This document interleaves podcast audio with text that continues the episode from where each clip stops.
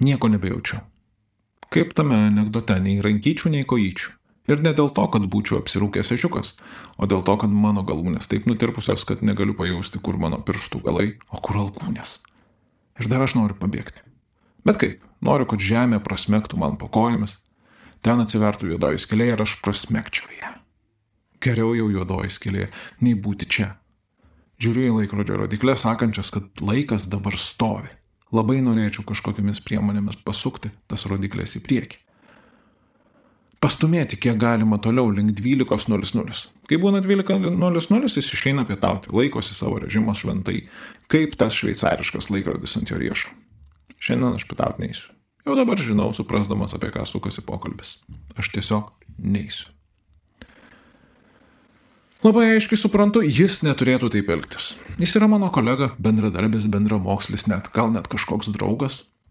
Mes faktiškai lygus ir dirbame panašų darbą, tačiau... Tačiau jis turi kažkokią galę, kurios man trūksta. Dėl to nuolat jam nusileidžiu. Gerai pagalvojus, ne jam vienam. Mano gyvenime yra ir kitų žmonių, kuriem nusileidžiu. Mano tiesioginis vadovas, mano žmona, net kartais mano vaikai. Žinoma, mano tėvai. Jie visi gali manyje suspaudyti nematomus mygtukus, nejuntamai paleisti paslėptas programas, o aš vykdau jas nesipriešindamas. Kas būtų, jeigu pasakyčiau ne? Mano akimis pasaulis sugriūtų. Pirmiausia, tie žmonės labai ant mane supyktų, labai. Aš iki šiol pamenu iš pykčio pabalusias ir primerktas tėvo akis, kai pasakiau jam, kad nenoriu sriubą priminančios manų košės nuo stalo pašokančias ir besitaškančias lėkštes ir deginantį kalties jausmą, kad esu niekam nedėkingas suskis nevertinantis jo darbo ir laiko. Pralekė akimirkos, kai mano keletas kiemo draugų pabėga nusisukę nugaras. Aš liku vienas, nes kažko atsisakiau, kažkur eiti ir kažką žaisti. Ir dar, ir dar. Nusivylimai, pyktis, nepasitenkinimas. Ir skausmas, kai pasakau, ko noriu aš arba ko nenori. Šiandien, čia ir dabar suprantu, kad lyg ir turėčiau pasakyti ne. Mano bendradarbis, menamas draugas, tarsi turėtų pats supręsti savo užduotis ir daryti savo darbus. Aš negaliu. Negaliu pasipriešinti. Prieš savaitės dirbome ties projektu ir aš pavėlavau su savo dalimi nedaug, penketą minučių. Jo žodžiais tai buvo kritinis momentas jo karjeroje. Jis nespėjo pateikti projekto laiku mūsų užsakovui ir dėl to užsakymo negavome. Suprantu, kad ne aš vienas dirbau prie to projekto, kad jo dalis buvo kainodara, kitas skyrius apskritai patikė labai apytikslius duomenis. Mano kolega vėlavo ne penkias minutės, o dieną. Visgi grįžęs iš susitikimo jis plūdo, pyko, trankė stalą, keikėsi. Tuomet man irgi norėjosi susigūžti į kampą kaip tada su tamanų koše ir pabėgti, pasislėpti. Jam buvo blogai ir aš prie to prisidėjau, aš buvau kaltas. Jei ne aš, galėjo būti kitaip. Nieko naujo nenutiko, kaip visada aš pasiūliau jam kažkaip padėti. Jis sutiko. Gal dar padarysiu keletą pataisimų jo brėžinių paaiškinimuose. Jis pasijusęs geriau. Jis galės eiti pietauti, o aš ne. Taip mano darbo dokumentų krūvelė pasislinko užleisdama vietą jo krūvai. Kažkur giliai širdėje jaučiau palengvėjimą, o kartu kartelį nusivylimą ir apmaudą. Jis nusiramins. Man bus irgi gerokai lengviau. Kartu jau matau surauktus žmonos lūpų kampučius, nes vėl užsilaikiau per ilgai. Taip pat vadovės priekaišta, kad vėluoja mano darbai. Būtent tą akimirką pasidarė lengviau. Taip ir eina mano gyvenimas per akimirkas, kai šiek tiek palengvėja. Dabar visai nejaučiu nieko, nes mano kolega tūšta, kad kažkas jam nepavyksta ir primena man, kad aš esu prie to prisidėjęs. Kad jei ne aš, viskas būtų kitaip. O aš noriu, kad palengvėtų. Sleginti kaltė pagaliau nukris nuo krūtinės ir bent toms kelioms akimirkoms bus ramu. Po to jau žinau. Po to jausiu ant kaklo sėdinti demoniuką šnapždantį, koks aš netikės mulkis ir negaliu pasakyti ne. Negaliu, bijau, nenoriu. Stovėdamas kamštėje pakeliui namo fantazuosiu, kaip aš pasakiau ne, kaip trankiau kumščių į preciziškai sutvarkytą barzdotą kolegos snukį, kaip pasiunčiau ant trijų raidžių susiraukusią ir nepatenkintą žmoną, kaip trenkiu ant stalo pareiškimą viršininkiai. Kaip, kaip aš esu kietas, koks aš esu kiečiausias pasaulyje. Deja, neilgam. Aš praversiu namų duris ir nuleidęs galvą numyksiu. Atsiprašau, kad užtrukau.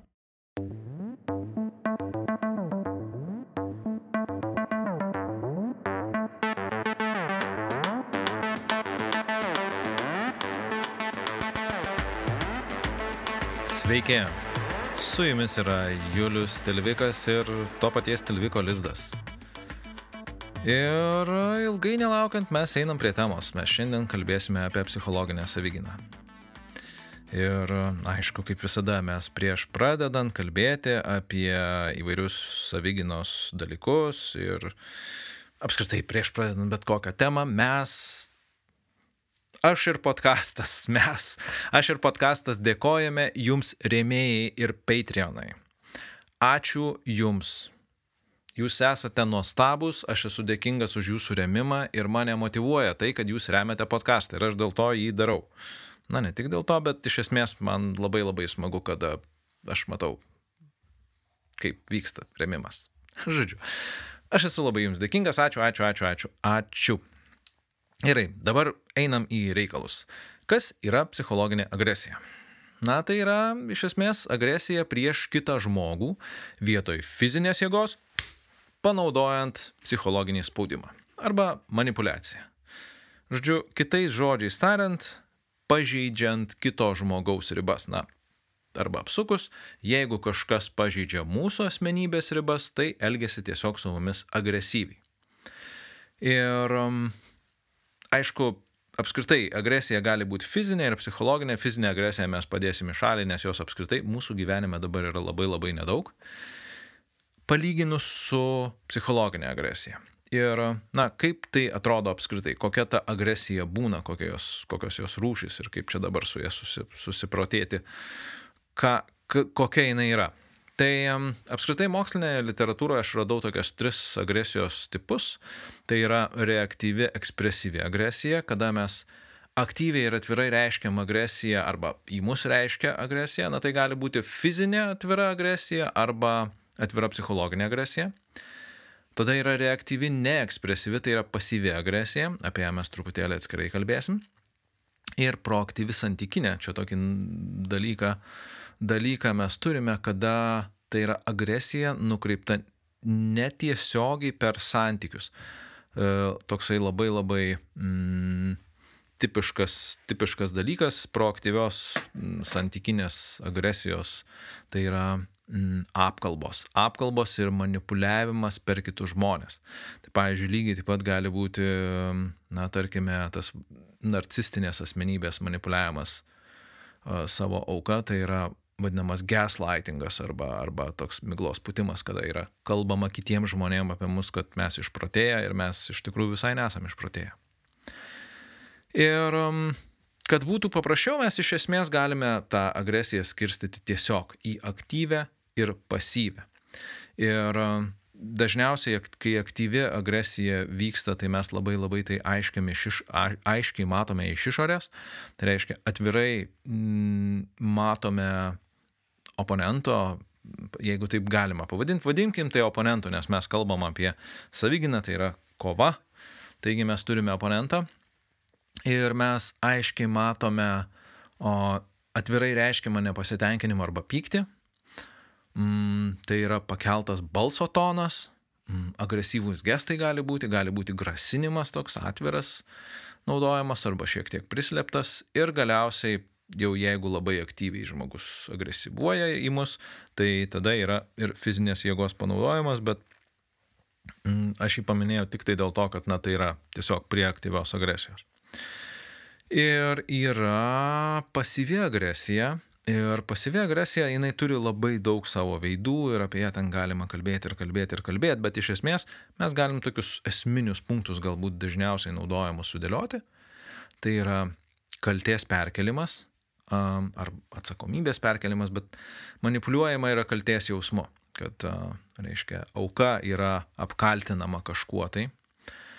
Ir dažniausiai tai apkaltinama tuo, kuo realiai turėtų būti apkaltintas pats priešininkas. Tada įžeidžiantis komplimentai, na tarsi žmogus sako paslėptai, taip kad, oi žiūrėk, kaip tu nuostabiai šiandien atrodai, kai iš tikrųjų mes atėjome į darbą su pižamos kelnėmis. Mm, prašymų ignoravimas, tai yra tiesiog nekreipimas dėmesio į tai, ką mes prašome padaryti. E, nepagrystas skundimasis, na, yra žmonių, kurie žinot, taip nuolat a, mus užpila savo problemomis ir įvairiais tokiais skundais. Ir kartais mes suprantam, kad nu, realiai žmonės turi kartais problemų ir turi skundų ir, ir jie gali pasakyti kažkokį tai vieną kitą dalyką, kuris yra realus, bet iš esmės dažniausiai tai tokie žmonės mes susitinkam ir jie skundžiasi, kaip yra tas blogai, anas blogai. Ir um, Žiūrėkit, dar pridedat, kad mes prie to esam prisidėję ir atsakingi ir žiūrėkit, jau spaudo mūsų tuos mygtukus. Tada ignoravimas arba baudimas tyla, tai yra pasyvios agresijos e, irgi mm, apraiškos. Mm, ignoravimas tai tiesiog, na, mes su žmogum kaip su siena kalbam, o baudimas tyla tai tiesiog žmogus nekalba, kurį ten laiką, tarkim, kelias dienas ar kelias savaitės netgi. Susitarimų nepaisimas yra pasyvios agresijos požymis ir vėlgi tai gali būti sąmoninga pasyvi agresija, gali būti nesąmoninga. Na ir galiausiai sabotažas, kai žmogus specialiai mum kažką tai blogo daro, sabotuoja mūsų kažkokias pastangas arba, arba, mm, arba kažkokius tai siekius. Ir kaip jau sakiau, jeigu eliminuojam fizinę jėgą, tai iš esmės didžioji dalis visos agresijos, kurią prieš mus panaudoja, tai yra psichologinė agresija. Tai yra labai labai populiarus spaudimo sudarimo ir manipuliavimo kitais būdas. Ir mm, tai iš esmės pasireiškia faktiškai per visus, nežinau, per visus sluoksnius mūsų aplinkoje. O, mm, tokias, reiškia, na, tą psichologinį spaudimą arba, arba psichologinės atakas prieš mus daro o, žmonės tikrai aplink mus, jeigu pasidairysim, tai a, tarp kolegų labai dažnai yra, tarp šeimos narių, tarp sutuoktinių, na, žodžiu, kur spjausi, ten pataikysi. Čia, kaip sakant. Mm. Žodžiu, grįžtant atgal, e, grįžtant atgal, šiek tiek galbūt reikėtų pakalbėti apie psichologinės agresijos pasiekmes. Ir na, tyrimai, tyrimai sako, kad e, apskritai psichologinės agresijos aukos suvokia ją labiau žalojančią nei fizinė agresija ir mano, kad jos poveikis yra ilgiau trunkantis. Ir kaip tai atrodo realybėje, kaip pasireiškia ta patirta psichologinė agresija, tai žmogus patyręs tą psichologinę agresiją nuolat jaučia įtampą, nes vėlgi jis nežino, mm, įtampa ir kartu nerimas yra, nes nežino, kada jisai gali būti užpultas, už ką ir kaip, arba jis žino situacijas, kada tai gali pasikartoti ir irgi dėl jų nerimauja. Mm, ilgalaikis psichologinis smurtavimas prie žmogų gali sukelti psichologinę traumą, na tai aišku, siejama kartu ir su menka savivertė, išsivystančiomis priklausomybėmis, depresija, žodžiu, visas sąrašas. Visas sąrašas yra psichikos, psichikos, psichi, psichiką žalojančių tokių veiksnių ir būsenų. Ir um, iš esmės suprantam, kad psichologinė agresija yra blogai. Ir klausimas yra, kaip čia mes ginamės, čia turbūt ir esminis ir yra dalykas. Tai apskritai psichologinė savygyna yra gebėjimas apsisaugoti nuo tų kitų žmonių sąmoningos ar nesąmoningos psichologinės agresijos. Ir jeigu pažiūrėti iš e, tokios ribų mm, pusės, tai iš esmės psichologinė agresija tai yra gebėjimas apginti ar apsaugoti savo ribas.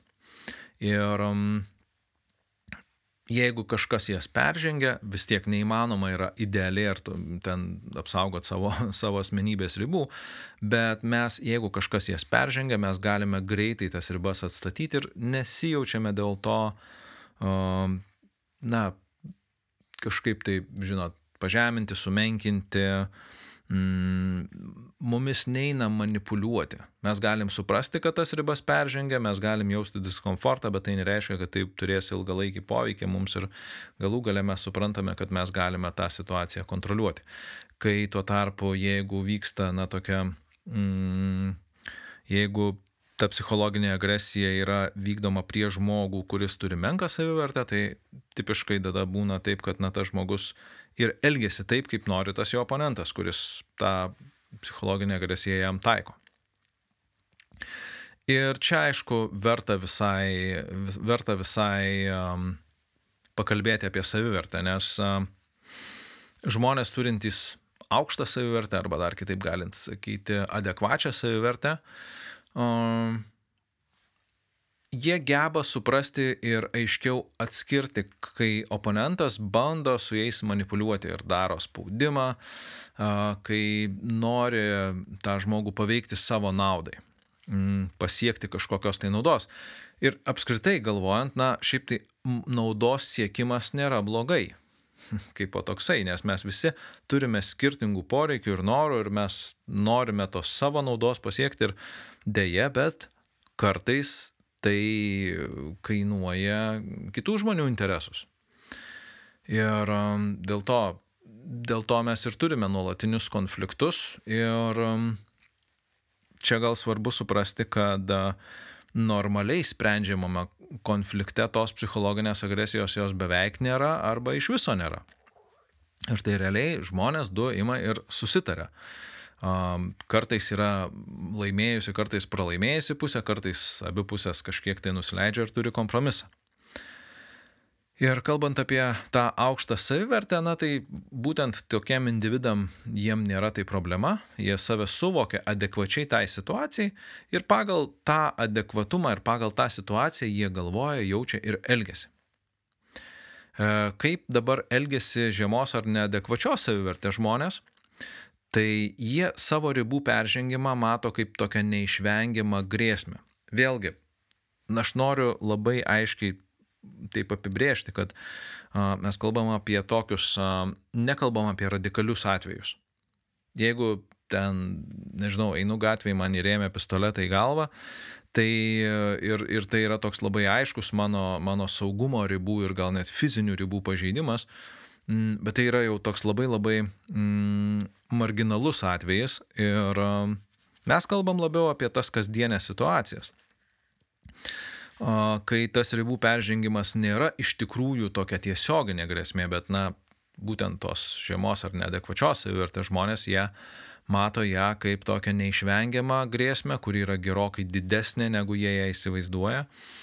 Ir, na, ta grėsmė gali pažeisti jų fizinį, emocinį, finansinį saugumą galbūt. Ir um, būtent, kad jinai tokia išsipučia didžiulė, kaip, nežinau, koks nors baisus ateivių laivas su didžiuliu ten, didžiuliu šešėliu užtemdančiu žemę atskrenda ir štai va dabar va čia bus kažkas tai man. Ir dėl to aukos mato save kaip menkas, bejėgės, silpnas ir neturinčias galimybių pasipriešinti niekaip, kaip tas mūsų istorijos herojus. Tai vad kaip čia dabar gintis, nu, turėti aukštą savivertę. Kuo aukštesnė savivertė, tuo yra paprasčiau. Ir gali atrodyti, kad jeigu neturite aukštos savivertės, tai jūsų psichologiniai savyginai yra šakės. Tai mm, ne visai.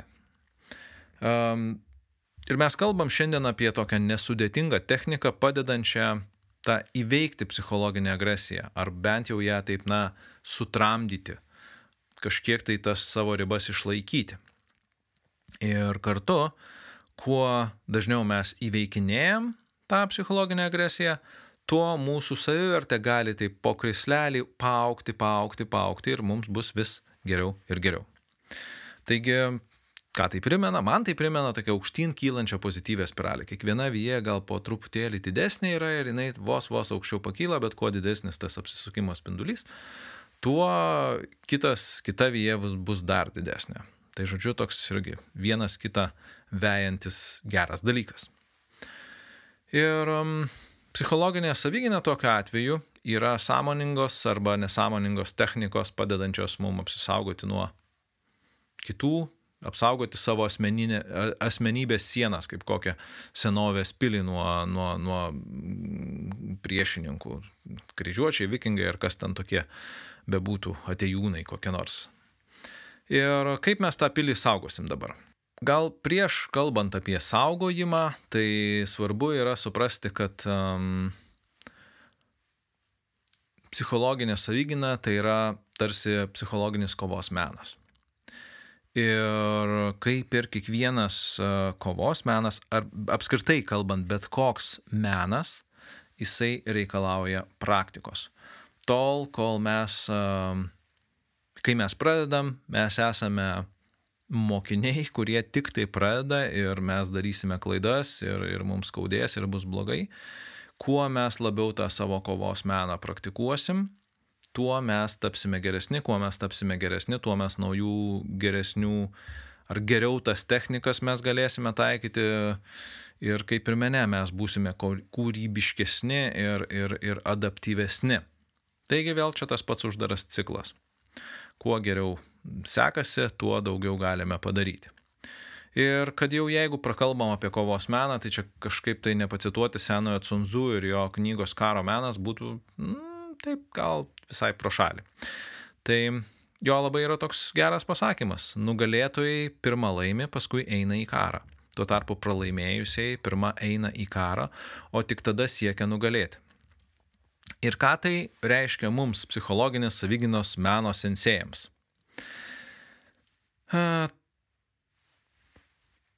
Pirmiausia, turbūt reiktų paklausti savęs gal kito klausimo, su kuo mes kovojame.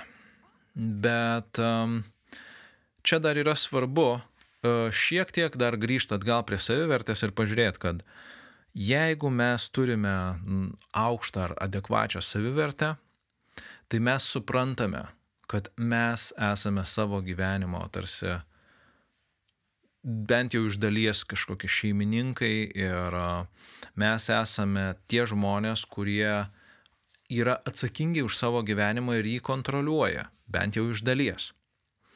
Ir dėl to mes ir galime jaustis tada tais nugalėtojais, nes mes žinom, kad ir kas nutiks, nu mes kažkaip čia susitvarkysim. Jeigu tu tarpu mes visko bijom ir visko išsigandę esam, na tai mums atrodo, kad kiekviena kova iš tikrųjų reikia eiti į karą ir tada bandyti jį kažkaip laimėti. Ir dažniausiai, kad, nu, taip ir gaunasi, kad eini ten kariauji ir, ir, ir nelaimi, nes jau dušioje esi pralaimėjęs. Taigi su kuo mes iš tikrųjų kovojam?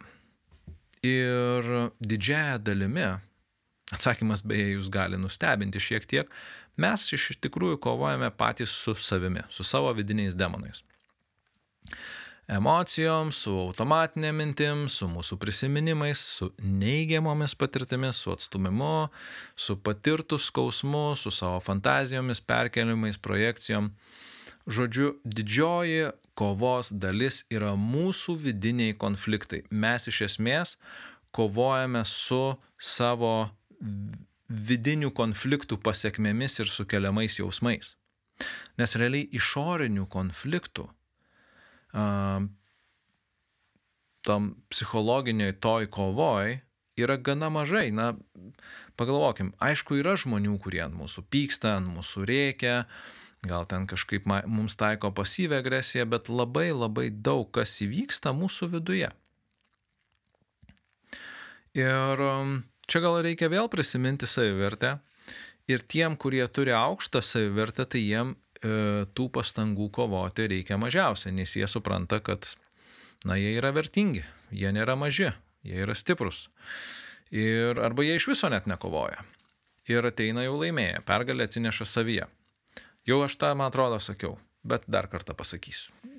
Galima tokį ištraukti seną kaip Graikija stoikų sloganą - pažink save. Kuo mes geriau save pažin, pažįstame, pažindame save patys geriau, tai tuo mes labiau suprantam, kokios yra mūsų asmenybės ribos, kokios mūsų yra galimybės, baimės, stiprybės, silpnybės, vertybės, siekiamybės, tikslai, Ir kartu mes žinome, jeigu žinome savo silpnybės, žinome, kur mūsų tas Achilo kulnas yra. Čia kažkaip mane ant graikų patraukė šį kartą. Žinome, kad mes iš esmės tada kovojame su savim. Ir jeigu su savim kovojam, tai gali būti, kad mums atrodo gal kažkaip tai drąsiau. Bet čia nesu tikras, nes ne visiems žmonėms atrodo drąsiau kovoti su savimi. Jiem lengviau yra daryti kažkokius tai dalykus išorinius, nesusijusius su savimi, gal dėl to jiem yra, na, žmonėm yra tiesiog baisu atsiverti, tarkim, psichoterapijoje, nes tai yra kalbėjimas apie save, apie savo vidinį pasaulį tai yra pažinimas savęs. Ir kai kam tai yra baisu, kai kam ne.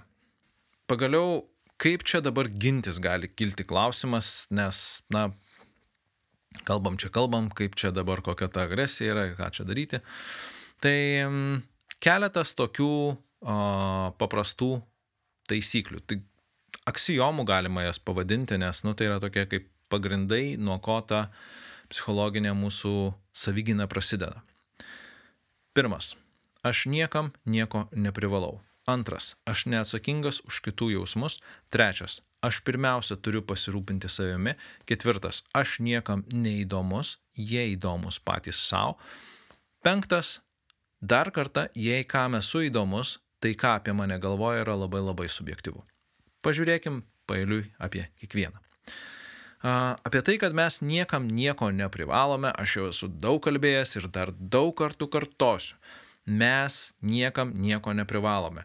Mes turime pasirinkimus, darome pasirinkimus ir už juos esame atsakingi tiek, kiek tie mūsų pasirinkimai lemia mūsų gyvenimą ir mūsų elgesį ir mūsų jausmus. Ir um, manimas, kad mes kažką tai privalome, mus na, tarsi apriboja nuo tos atsakomybės už savo pačių gyvenimą.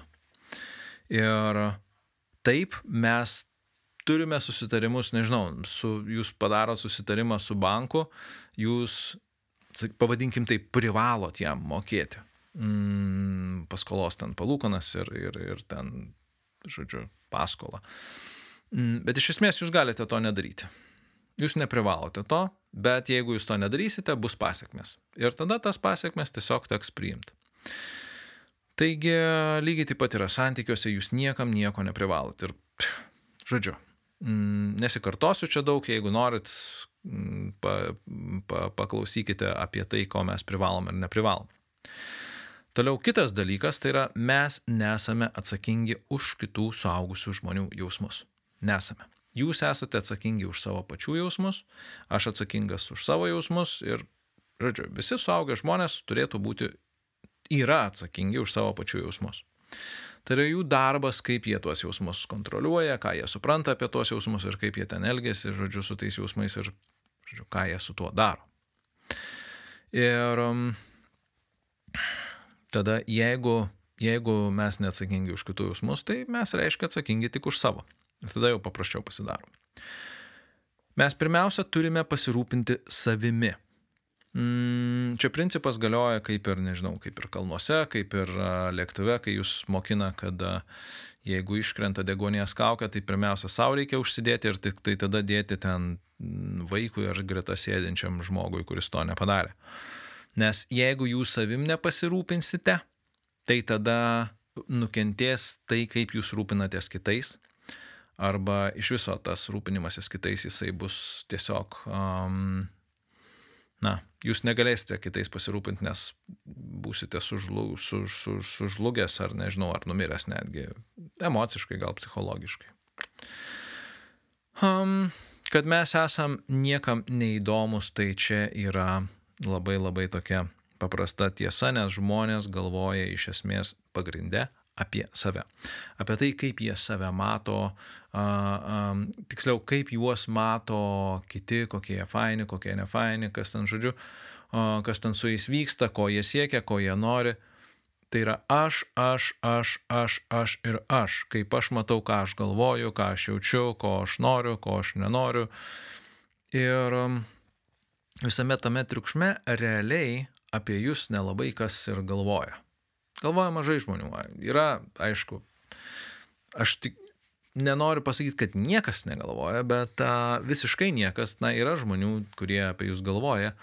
Bet dabar prieinam prie dar vieno punkto, kad net jeigu kam nors ir esate įdomus ir kas nors apie jūs galvoja, Tai, ką apie jūs galvoja, tai, kaip jūs mato, tai, kaip jūs suvokia, yra nepaprastai subjektivu, nes mes kiekvienas turime savo psichologinį ir emocinį filtrą, kaip mes suvokiamą pasaulį ir dėja, bet labai labai yra sunku matyti tai objektyviai. Ir jeigu norite sužinoti, kaipgi dabar čia yra vat, pasaulis subjektyviai yra matomas mūsų, na tai Daniel Kahneman knygą paimkite į rankas.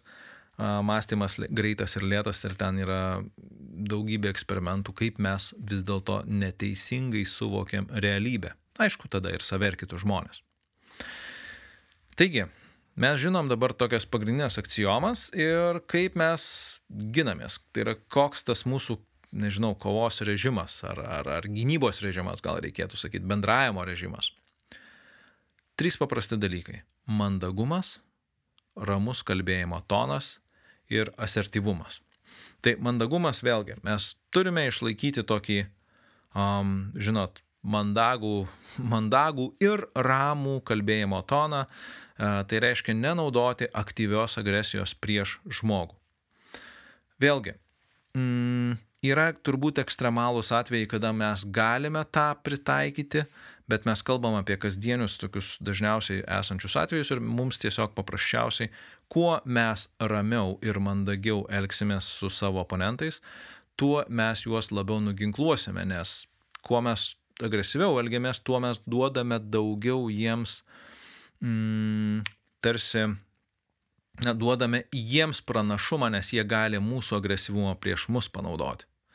Ir būtent psichologinai saviginoje labai labai svarbu suprasti, kad mes naudojame priešininko resursus, priešininko jėgą prieš jį patį. Tada asertyvumas tai yra balansas tarp agresijos ir paklusnumo. Mes nesielgėme labai agresyviai ir mes nesielgėme labai nuolankiai arba paklusniai. Tai yra mes žinome, ko mes norime, bet mes esame atviri galbūt kažkokiam darybom. Jeigu mes tą jos bus mums priimtinos ir mes esame atviri mm, supratimam, kas vyksta, kaip vyksta ir, ir, ir ko mes norime pasiekti. Štai tokios yra, na, tas režimas, žodžiu, mes kalbam ramiai, mes e, kalbame mandagiai ir mes vis vieną siekiame savo. Spėkit, spėkit, kas čia vyksta. Mes persitraukiam. Ir dabar yra reklaminė pauzė, kurios metu aš nu ką, aš paprašysiu, kad jūs, mėly mano podkasto klausytojai, eitumėt ir paremtumėt podkastą. Tai yra tiesiog va, štai šitos reklamos reikalas. Eikit, paremkit podcastą ir viskas bus labai gerai. Aš būsiu jums dėkingas. Jeigu jūs paremsite mm, daugiau, tai jūs gausite dar ten papildomų visokių benef benefisų, papildomų visokių privalumų, kaip pavyzdžiui tekstus podkasto Mm, žodžiu, tuos ruošinukus, iš kurių aš čia darau įrašus, kas dar daugiau paremia, gauna specialų epizodą kiekvieną mėnesį, um, būtent, būtent tiems, um, tiems remėjams skirta. Ir, um, ja. ir dar vienas klausimas, brangieji, gal mums reikėtų rasti kokį nors sponsorių šitam podkastui, kad jisai remtų ir prisidėtų dar prie rėmimo. Ką Jūs manot? Ne? Taip, ne? Gerai, viskas. Reklama baigėsi, dar paklausom muzikėlę ir einam toliau prie mūsų reikalų. Dabar galiausiai keturios paprastos technikos ir jų pritaikymo ciklas, mechanizmas. O tos keturios technikos, kurias mes naudojame psichologiniai savyginai, yra turinio atkartojimas, pasitikslinimas, emocijų atspindėjimas ir pauzė. Kai mes atkartojame turinį, mes tiesiog pasakome, ką išgirdome. Tu ten esi debilas. Taigi, tu manai, kad aš esu debilas. Tu niekada ten ta ta ta. Tu manai, ar galima sakyti, tu sakai, kad aš niekada ta ta ta. Uh, tu vėluoji, aš vėluoju. Mm, ir tai yra tiesiog atspindėjimas atgal to, ką mes išgirdom. E, koks yra to tikslas? To tikslas yra tiesiog atmušti tai, kas į mus nukreipta. Nes jeigu mes priėmėm kažką, tu vėluoji, ne, aš nevėluoju, na iš karto mes turime ginčą ir tada įsitraukiame į, į bandymą įrodyti. Jeigu pasakai, aš vėluoju, so what? Viskas. Tai reiškia, kad mes nutarsi atmušėm atgal, pasakėm, mes pripažinom, kad, na, kai tarkim, šių, ir, ir nereikia sakyti, aš sutinku, kad aš vėluoju. Aš vėluoju. Arba tu sakai, kad aš vėluoju. Pasitikslinimas. Antra technika pasitikslinimas tai yra mes pasitikslinam, ar tikrai tai, ką žmogus sako, e, yra tai, ką jisai galvoja. Tu visada, nežinau, tu visada Dieve mano, man neteina, fu. Tu visada vėluoji. Gerai, tebūnėtų vis, vėlavimas. Tu visada vėluoji. Ir tada mes galime pasitikslinti, ar tu sakai, kad iš dešimties susitikimų, kuriuos mes turėjome, aš pavėlavau į visus. Tai reiškia, kad mes mes išaiškinam. Ir ypač tai tinka su, vis, su tu visada, tu niekada šitais apibendrinimais ir, ir, ir tokiais generalizavimais. Mm. Ar tu ten niekada nesutvarkai virtuvės? Ar tikrai per visą mūsų bendro gyvenimo laikotarpį 20 metų aš niekada nesutvarkiau virtuvės? Ir tas patikslinimas jisai leidžia nukreipti pokalbį konstruktyvesnė linkme. Tai reiškia, tai nėra, mes suprantam, ką mes išgirdom ir mes kartu savo logišką paaiškinimą padarom, kad ne taip nėra, taip negali būti. Ir kartu pateikiam kaip argumentą savo oponentui. Žiūrėk, tu sakai, kad yra štai taip, bet taip nėra. Tai kartu mes gaunam tokią persvarą. Tada kitas dalykas tai yra atspindėjimas emocijų. Emocijas atspindime atgal ir, taip pačiam, tu vėluoji. Man atrodo, kad tu jautiesi susierzinęs, sakydamas, kai aš vėluoju, kad aš vėluoju. Ir um, tai tiesiog paprastas būdas um, emociškai um, atiduoti priešininkui atgal tą oponentui, gal geriau sakykim taip, e, tą emociją, kurią jisai atsineša. Mm, ir jisai gali aiškiai suvokti tą ir e, kartu gali, gali jisai, jisai ir, mm, nežinau, jo, neikti tai. Arba ten, tu, tu mane, mane visą laiką įskaudini. Ir, na, nu, ką, tu dabar atrodai įskaudintas ar įskaudinta. Ir tada ten toliau žiūrim, kas vyksta. Ir galiausiai e, yra pauzė, tai reiškia, kad pauzė tai yra mūsų paprašymas uh, savo pasimti laiko ir pagalvoti. Tiesiog. Um, aš išgirdau, kad aš vėluoju, aš norėčiau pagalvoti apie tai, ką tau atsakyti. Ir mes galim savo turėti tą pauzę. Taigi iš esmės mes turime keturis, keturias paprastas technikas, kurias mes galime taikyti priklausomai nuo aplinkybių. Galime netaikyti, aišku, jeigu nenorime. Kaip jas taikyti tai iš esmės naudojant tokį gana uh, nesudėtingą mm, penkių klausimų savo ciklą. Nes vėlgi atsiminkit, pažink save, taigi mes bandome pažinti save ir suprasti, kas čia su mumis vyksta. Pirmas yra, su, pirmiausia, mes turime suprasti, kas konkrečiai man yra sakoma, tada kokia mano emocinė reakcija į tai, kas yra pasakyta kokias mintis man sukelia tos emocinės reakcijos, ar tai, ką aš girdžiu ir jaučiu, yra tiesa ir ką aš su tuo darysiu. Ir tai gali atrodyti iš pradžių, kad, na, čia, o, čia sudėtingai, čia žiūrėk kažkokios technikos ciklai, bet iš esmės, kada mes visą tai sudedam į vieną visumą, tai yra keturios technikos, kai mes atkartojam, pasitikslinam, emocijas atspindim arba pasiemam pauzę Ir tada mes darom labai tokį paprastą žingsnį. Kas man pasakyta, ką aš jaučiu, kokios mano mintys apie dėl tų jausmų, ar tai yra tiesa ir ką aš su tuo darau. Ir dabar atskirai pažiūrėkime apie, apie tą kiekvieną klausimą. Kai aš bandau taip savęs paklausti, kas man yra sakoma, tai aš bandau išdėlioti, tarsi logiškai paaiškinti, kas yra tame sakinyje sudėta. Tarkime, tu visada vėluoji. Na tai reiškia, okei, okay, tu kreipinys visada apibendrinimas vėluoji, apie vėlavimą kalbam. Ir um, tada vėlgi mes čia galim prisitaikyti logiką ir suprasti, kad, na, ar čia teisingas tas, e, jau, jau pirmam žingsnė netgi galime suprasti, bet, bet um, kadangi tas ciklas šiaip tai dažniausiai sukasi gana, gana greitai ir kol mes mokomės, tai okei, okay, ten jisai, kol mes prie jo priprantam, bet šiaip tai, šiaip tai tai yra toks labai kognityvinės elgesio terapijos, e, tarkime, pagrindų padarytas gana paprastas, gana paprastas e, toksai a, supratimo, kognicijos, a, nežinau, ratas. Gerai, tai žodžiu, mes išsiaiškinam tiksliai, kas mums yra sakoma, nes labai dažnai būna taip, kad tai, kas mums yra pasakyta ir tai, ką mes išgirdom savo viduje, yra visiškai, visiškai um, neadekvatu. Nes iš, jeigu, tarkime, mes išgirdom apskritai, pavyzdžiui, kolega sako, o, tu vėluoji penkias minutės, tai mes galime išgirsti, kaip ten, nežinau, priekaištaujam koks nors tėvas ar mama, kad mes ten visada vėluojam ir niekada nedarom ir apskritai mes čia kokie nenusipelnę esam kažkokių gerų dalykų savo gyvenime. Tai, žodžiu, mes turime labai aiškiai suprasti, kas yra pasakyta konkrečiai. Tada kokia tai yra emocinė reakcija. Ir emocinė reakcija tai yra supratimas, ką aš konkrečiai jaučiu dabar ir ko, kaip stipriai aš tai jaučiu. Ir e, neretai būna taip, kad žmonėm yra sunku atskirti savo jausmus ir e, jie tiesiog sako, aš jaučiuosi gerai, blogai ir jeigu aš jaučiuosi blogai, tai čia yra kažkas blogo pasakyta.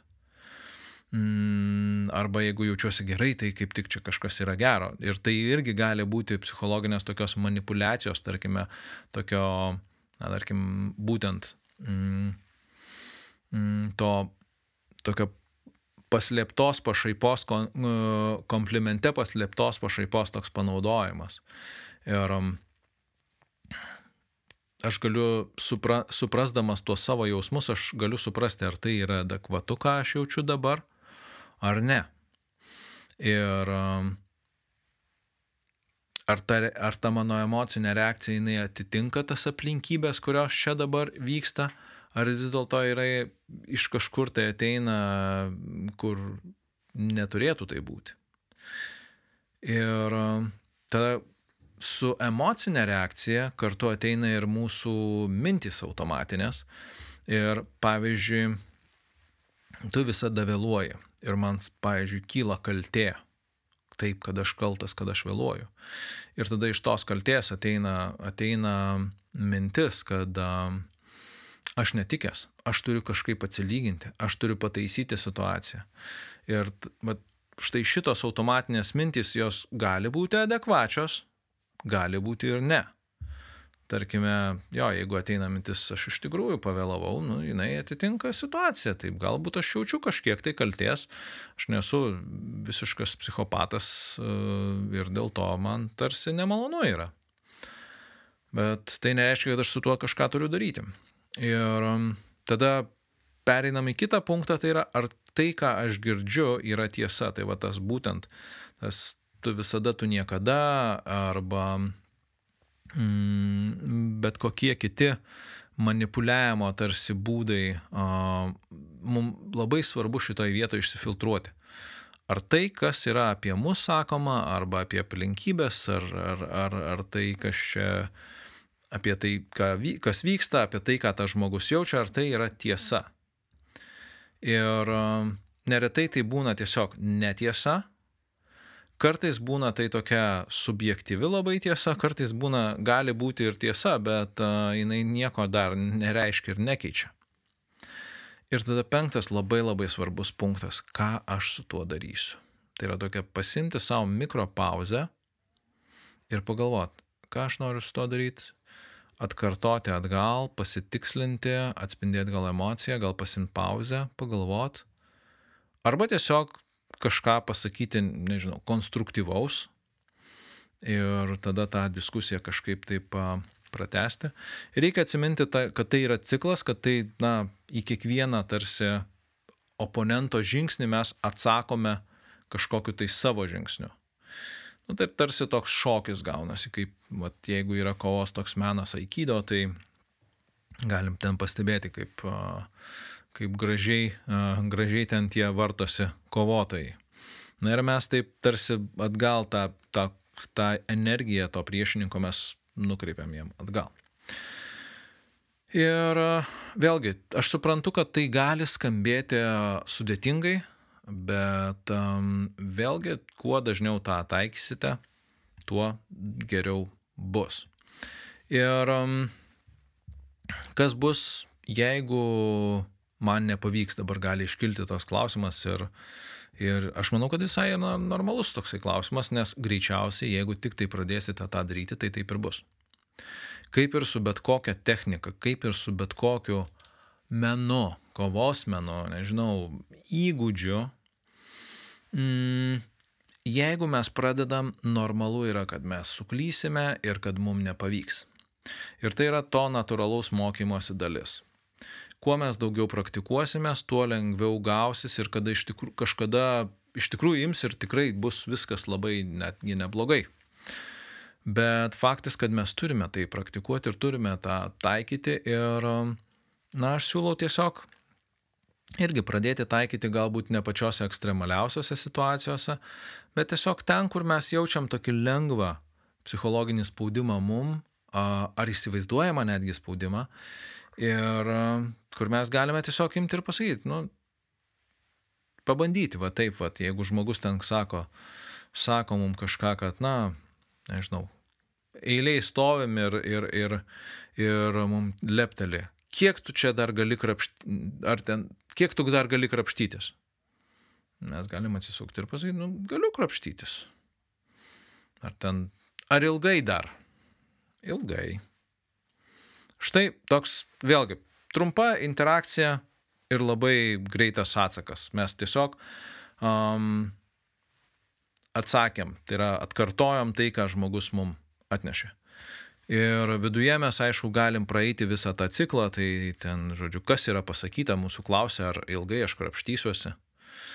Um, tada, ką, ką, aš, ką aš jaučiu apie tai, na, aš galbūt jaučiu kažkokią tai kaltę, kad aš čia per ilgai krapštausi. Uh, ir, ir, ir man reikia skubėti galbūt, čia toks irgi, mm, reiškia, ir tada galbūt kiltų, kiltų noras, ar tai yra tiesa, kad aš čia ilgai krapštausi, ne, aš čia galbūt netgi nežinau, spėjau tik tai pasimti gražą ir, ir, ir reiškia, bandy, bandau susidėti į piniginę, bet jinai man iškrito.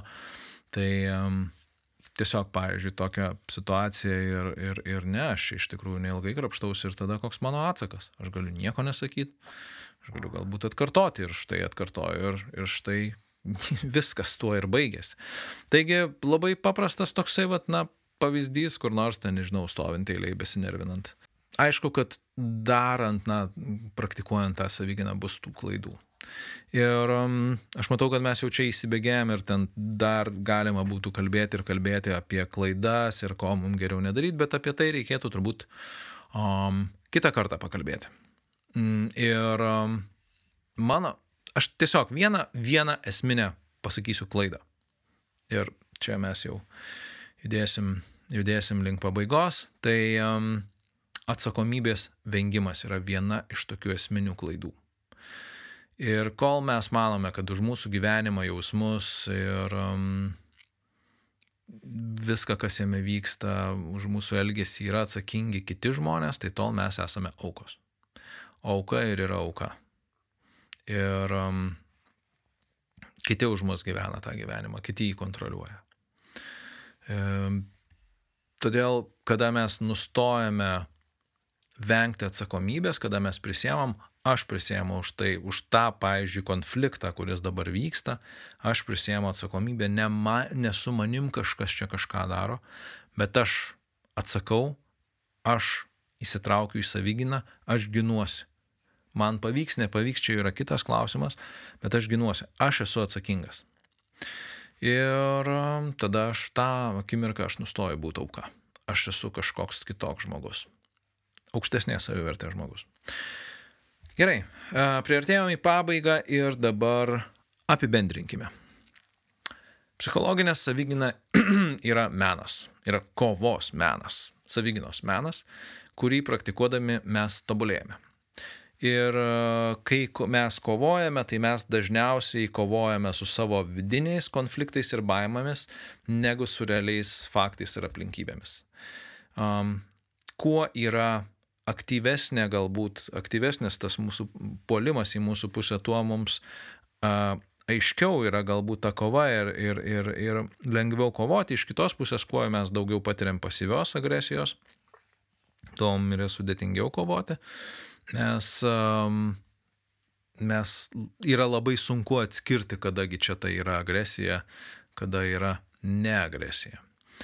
Ir um, iš esmės aktyvę agresiją mes matom iš išorės, pasyvę jaučiam savo viduje ir jeigu jaučiam viduje kažkokius jausmus, mes galim turbūt suprasti, vėlgi prasukę tą cikliuką, mm, suprasti, kasgi čia su mumis vyksta, ar čia prieš mus naudoja tą agresiją ar ne.